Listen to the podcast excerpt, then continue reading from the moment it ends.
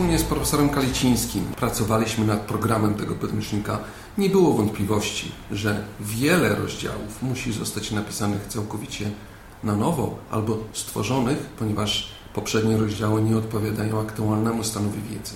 No, tutaj chciałbym wspomnieć przede wszystkim o technikach mało inwazyjnych, które na dobre zostały zaadoptowane do praktyki chirurgów dziecięcych w ośrodkach naszych krajowych i jesteśmy naprawdę bardzo szczęśliwi, że tak wiele miejsca poświęcono temu zagadnieniu. Oczywiście chirurgia prenatalna, diagnostyka prenatalna. Nie mówimy o tych już rozdziałach w kategoriach nowości czy jakichś e, bardzo nieznanych nam dyscyplin, tylko jako coś, co się zdarza. Oczywiście jest też wiele rozdziałów w części podstawowej, które się w ogóle nie pojawiały. Jest wiele rozdziałów w części praktycznej, które w ogóle nie były i nigdy nie było omawiane w żadnym z podręczników z zakresu chirurgii dziecięcej w Polsce.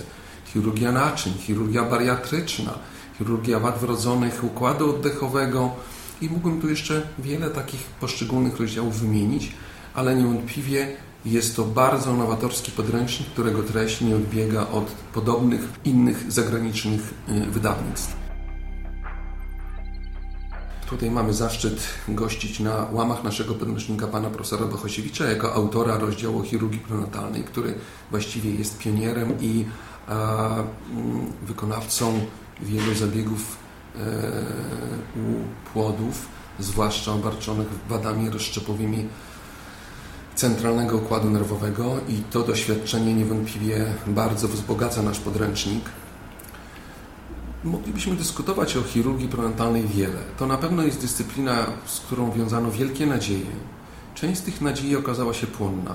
W części obszarów naszej działalności chirurgia prenatalna nadal stwarza olbrzymie możliwości korekcji czy poprawy rokowania dla dzieci obarczonych wadami wrodzonymi.